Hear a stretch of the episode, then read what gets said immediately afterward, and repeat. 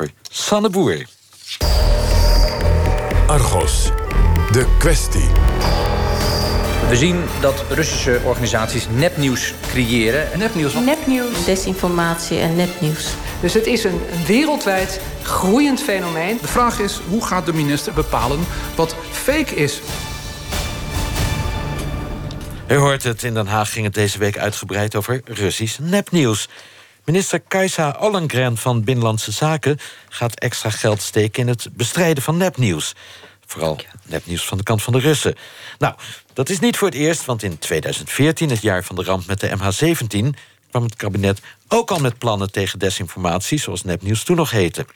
Men dacht er zelfs over om een op Rusland gerichte televisiezender te lanceren. Ik ga over die plannen van toen en wat daarvan terecht is gekomen praten met Europarlementariër voor de PvdA, Kati Piri. Hier aan tafel in Hilversum. Goedemiddag. Goedemiddag. En aan de telefoon vanuit Johannesburg in Zuid-Afrika... Leon Willems van Free Press Unlimited. U bent daar op een conferentie voor onderzoeksjournalisten, meneer Willems. Praten ze daar ook over nepnieuws? Ja, ik heb toevallig uh, gisteren een uh, sessie die uh, met ongeveer 200 bezoekers verblijd werd over fake news gedebatteerd met mensen uit Kenia, Rusland en Amerika. Ja, het is een hot, hot topic. Katy Perry, ook een hot topic in het Europarlement op dit moment? Zeker. En uh, de zorgen waren natuurlijk al met name uit uh, landen die... Um, vaak slachtoffer zijn van nepnieuws. Neem de Baltische Staten of de nabuurlanden in Europa. Maar bijvoorbeeld de Spanjaarden over hoe er is omgegaan nu met de Catalaanse crisis. Hoe dat uh, met name door Russische trollen is beïnvloed. Het wordt nu echt een groot, uh, groot Europees vraagstuk voor iedereen. En kunt u dan ook spannende verhalen uit Nederland melden... in zo'n discussie met collega's? Nou, we zagen al dat de minister daar moeite mee heeft. Uh, ik als parlementariër uh, ken die voorbeelden veel minder in Nederland... dan in andere landen. Uh, dat laat natuurlijk onverlet dat er zeker zorgen zijn... over dat we zien hoe er in Duitsland, hoe er in Frankrijk... met de verkiezingen met het brexit-referendum in Engeland... wel sprake was van beïnvloeding. Dan moeten we ook niet naïef zijn om te denken... dat dat in de toekomst bij ons niet kan gebeuren. Maar minister Longren kwam een beetje met oude koeien uit de sloot. Hè, ja, in het daar zat weinig nieuws in. We gaan het even hebben over het verleden. Twee jaar geleden kwam minister Koenders van Buitenlandse Zaken... dus ook al met een plan om tegenwicht te bieden aan Russische desinformatie.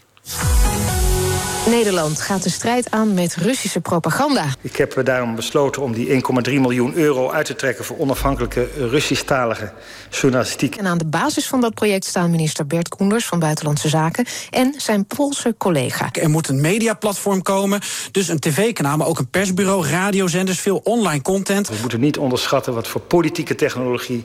door Rusland op het ogenblik wordt uh, ingezet. Uh, en dat vereist dus ook een belangrijk antwoord. Het programma dat een resultaat is van grondige studie... gaat worden uitgevoerd door Free Press Unlimited. Ja, Bert Koenders was dat in de Tweede Kamer destijds. Nou, we horen hem zeggen dat u van Free Press Unlimited... het gaat uitvoeren, meneer Willems. Wat is daarvan terechtgekomen? En nu valt de lijn met Johannesburg weg, volgens mij. Ja. Nou, we gaan contact zoeken met uh, Leon Willems... Ik ga even hier in de studio dan door met uh, Europarlementariër voor de PvdA, Kati Piri.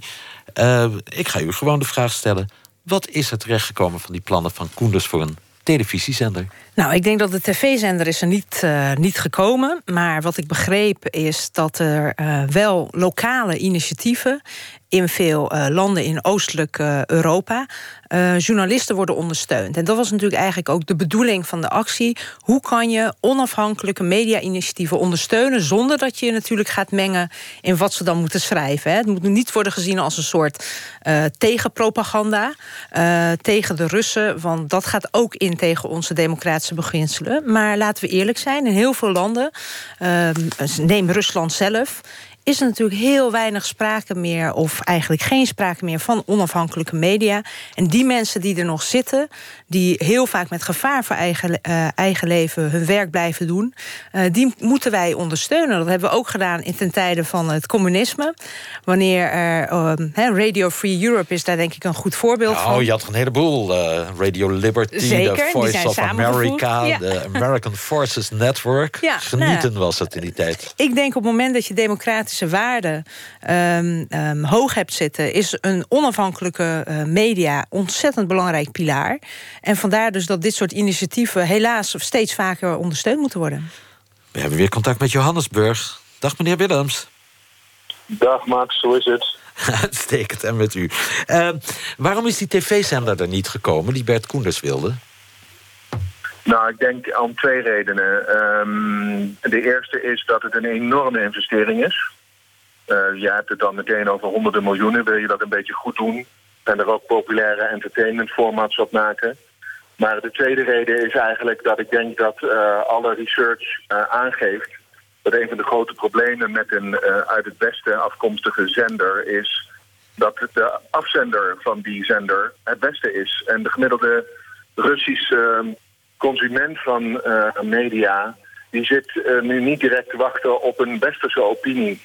Um, uh, er is weinig vertrouwen bij Russisch-talige publieken... Om, om het Westen zomaar te vertrouwen. dus het is eigenlijk het is, het is een betere strategie. De strategie in ieder geval die wij gekozen hebben...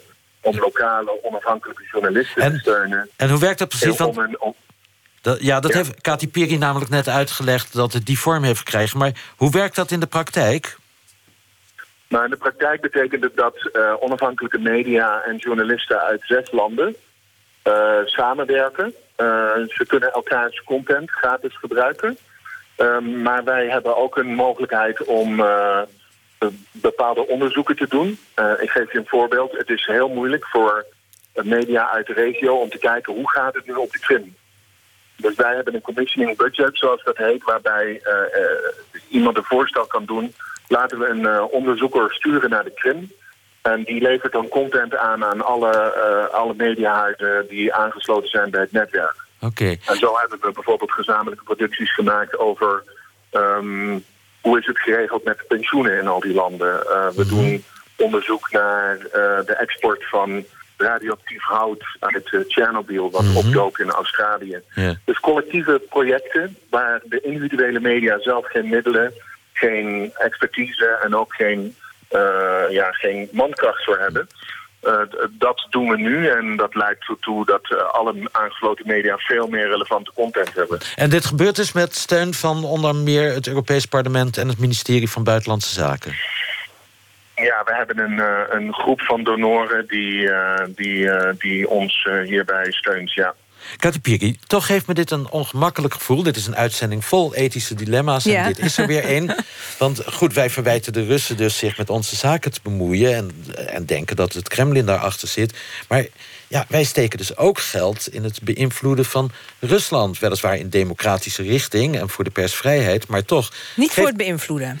Kijk, dat Ja, is al een wel. woordkeus. Natuurlijk is dat nee, beïnvloeden. Ik, ik denk dat eh, burgers in alle landen recht hebben op A, een divers medialandschap. Dat is er heel vaak in die landen niet. En B, op gewoon kwalitatief goed nieuws. Het is niet een propaganda, hè? Ehm, ehm, maar wat je, je kunt niet zeggen dat wat wij doen hetzelfde is... wat Rusland doet met Sputnik of eh, Russia Today.